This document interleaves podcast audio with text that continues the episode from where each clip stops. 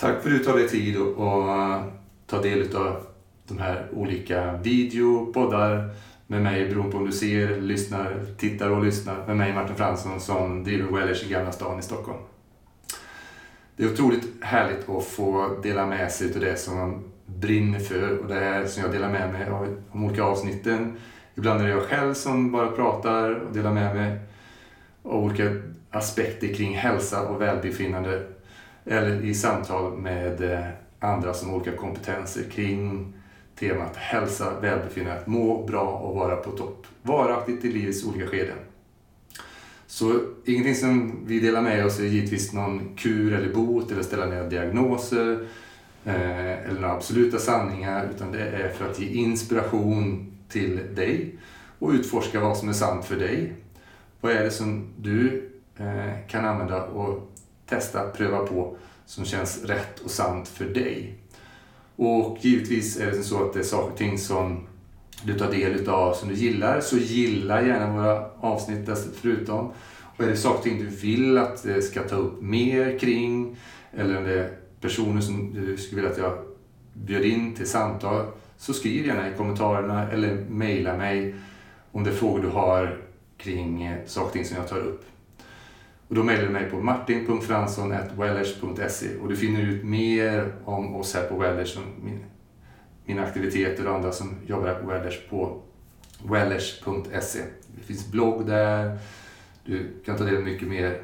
Och mina onlineprogram kan du ta del av på wellers.academy.com där. wellersacademy.com Så det finns mycket för den som så önskar. Och eh, nu så kommer nästa avsnitt här. Tack för nu. Så eh, i dagens avsnitt så kommer jag prata om givetvis vad är hälsa, din hälsokälla. Men utifrån att det är Thanksgiving-helg i USA så det här med tacksamhet och hur det är kopplat till eh, vår hälsa och välbefinnande. Det finns väldigt mycket spännande forskning som kommer kring det här med tacksamhet, att känna vördnad, hänförelse. Som jag tror att vi alla vill känna så eh, ofta vi kan. I alla fall är det någonting som jag är tacksam över att jag känner ofta i livet. För det är någonting vi kan givetvis träna upp, att känna tacksamhet, att känna vördnad. Och det där kommer gå igenom lite grann i den här, det här avsnittet. Vad, vad kan vi göra själva så att säga, för att öva upp den här kapaciteten? Jag kommer också beröra just hur hjärnan bakom allt, hur kvaliteten på vår hjärnbalans underlättar för oss att ha lättare tillgång till sådana tillstånd som hänförelse, vördnad, tacksamhet. Genom att hjärnan kommer i bättre balans. För det vi ser det är att eh, här bakom pannbenen, frontalloberna, särskilt den, den mediala, den delen som ligger närmast nästan, så de här två frontalloberna som kommer nära varandra, som vickar sig inåt till och med och nästan kysser den äldsta delen av hjärnan där. Det här området kallas ventralmediala prefrontala cortex. Det är ett område som mer aktivt när vi känner vördnad, tacksamhet tillsammans med andra delar. Det är som ett circuitry, det är som ett kretslopp. Det är inte bara centra utan det är som ett, ett kretslopp i, i hjärnan som involverar däggdjurshjärnan, alltså vår mer emotionella, det kallas för limbiska systemet, den emotionella delen av hjärnan. Men det är också reptilhjärnan, den gamla delen av hjärnan, vilket typ av stresspåslag är det? När vi känner de här tillstånden så verkar det som att vi är både i ett exalterat tillstånd, ett gaspådrag, och i ett trygghetspåslag samtidigt. Så det är båda systemen är med, men utifrån ett balanserat. Både vänster och höger hjärnhalva är inkopplade. Så när man tittar på funktionell magnetröntgen, gör EEG, olika mätningar, så ser man vilka olika delar av hjärnan som lyser upp, så säga, vilken typ av hjärnaktivitet är det vi befinner oss i. Och jag har mediterat och eh, hållit på med yoga, qigong och tai chi sedan väldigt unga år och haft då förmånen att uppleva mer av de här tillstånden. Eh, lättare och lättare. Till stor del till tack vare den här typen av träning som eh, allt fler människor tillägnar sig. Vi kallar det mindfulness. Men det vi tränar den här inre muskeln i hjärnan att vara tacksamma. Att sitta med ett leende på läpparna och vara tacksamma för att jag andas, att jag har en kropp, att jag är här och nu och kan känna det som sker just nu till fullo. Men det som också har adderat mer utav det här till mig, så som kiropraktor, det är faktiskt kiropraktiken i sig själv.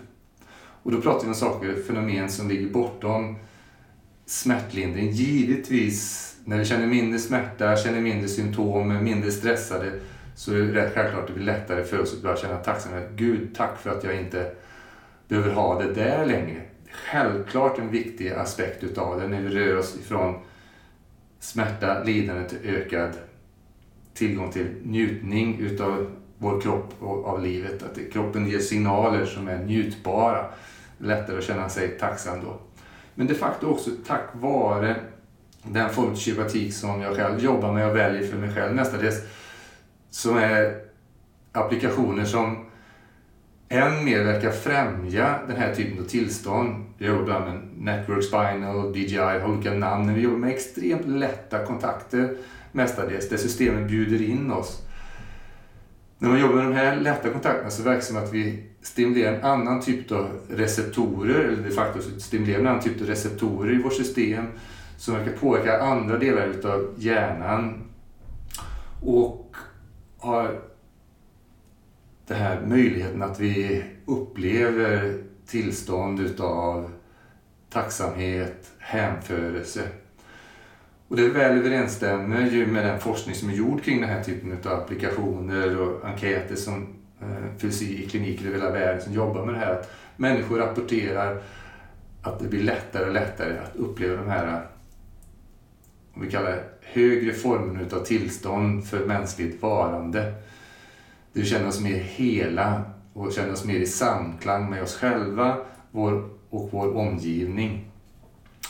Men det är också intressant är att eh, annan forskning inom kiropraktiken gjord av Heidi Havek med kollegor visar på att när vi jobbar kiropraktiskt via eh, ryggraden så ser man att det har en tydlig påverkan just på den här regionen ute i hjärnan, det vi kallar frontalloberna, som eh, är dirigenten för de flesta högre funktioner, exekutiva funktioner i hjärnan som att planera framåt, att kunna ha impulskontroll, finmotorik, koordination, reglering av vårt immunsystem, autonoma nervsystemets reglering, många olika bitar. Men också de här då delarna som har med medkänsla, empati, att kunna sätta oss in i en annan persons situation förutsätter att alla delar av nervsystemet är med på banan i samverkan, men inte minst att den här högre delen, dirigenten, är också så välfungerande som möjligt. Och det är intressant att det är det man, eh, all den här forskningen indikerar att det är det som sker också. Så kan ge en möjlig förklaringsmodell till varför det är så många som får olika former av kiropraktik över tid börjar rapportera mer och mer sådana former utav förbättring utav livskvaliteten eh, som man normalt sett inte tänker sig det kanske när man initialt söker en kiropraktor utan givetvis den första är att man ofta söker för symptom, kanske sedermera för att man vill förbättra sin funktion för man märker att man slår bättre i golfen, man spelar padel eller tennis bättre eller man sjunger bättre för rösten får denna tonläge. Många funktionsförbättrande anledningar som eh, många fortsätter att välja kiropraktik därför att de märker att det ger eh, en funktionsförbättring och egentligen alla resultat som ett kiropraktiskt omhändertagande ger handlar ju om att det blir en funktionsförbättring utav hela systemet. Inte minst då nervsystemet som dirigerar och koordinerar alla övriga system. Men att komma tillbaka till det här med tacksamhet, hänförelse, vördnad. Eh, tillstånd som ligger mig väldigt varmt på önskelistan på typ av tillstånd jag vill ha mer utav. Och lite tips då vad kan man göra förutom att eh, kanske potentiellt uppsöka en kiropraktor som mig själv eller någon annan som jobbar med det här. För olika kiropraktorer har olika intentioner i sitt omhändertagande. På Wellers jobbar vi med neurologiskt baserad kiropraktik. Jobbar med att väva in en förståelse kring nervsystemsreglering för att optimera hur kropp och knopp samverkar. Men vad jag själv gör förutom yoga, meditation och qigong och bitar, det är små korta kontemplationer i vardagen. Eh, som en varm rekommendation att ställa in din timer, till exempel som jag har inställt, som jag finner väldigt fungerande för mig. Det är klockan sex på morgonen, klockan nio på förmiddagen. Jag var tredje timme klockan ett, klockan 15, klockan 18 och klockan 21. Var tredje timme så får man en liten påminnelse och man tar en liten treminutare det kan givetvis vara kortare, men tre minuter är bara vara lite extra uppmärksam på vad är jag tacksam för just nu. Tre saker som jag kan vara extra tacksam för just nu i den här stunden. Så det är bara ett litet tips. Och för den som älskar att rita och skriva så är det en varm rekommendation att ha en liten tacksamhetsjournal där man skriver. Jag för min del, eh, givetvis så älskar jag att skriva i en liten bok. Men jag gillar att använda anteckningar i min iPhone också. Där kan jag skriva in i min lilla resursbok så att säga, den växer. Men vad är tillfällen i livet som jag är tacksam för? Personer, möten, händelser. Så vad kan jag vara tacksam för just nu? Som eh, gör att genom detta så händer någonting. Men egentligen är det inte för att göra det för en egen vinning, utan bara här och nu. För egentligen är det bara här och nu vi har.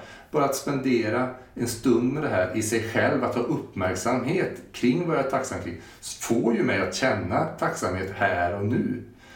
Sen att det i sig tränar upp kapaciteten att uppleva mer tacksamhet nästa dag.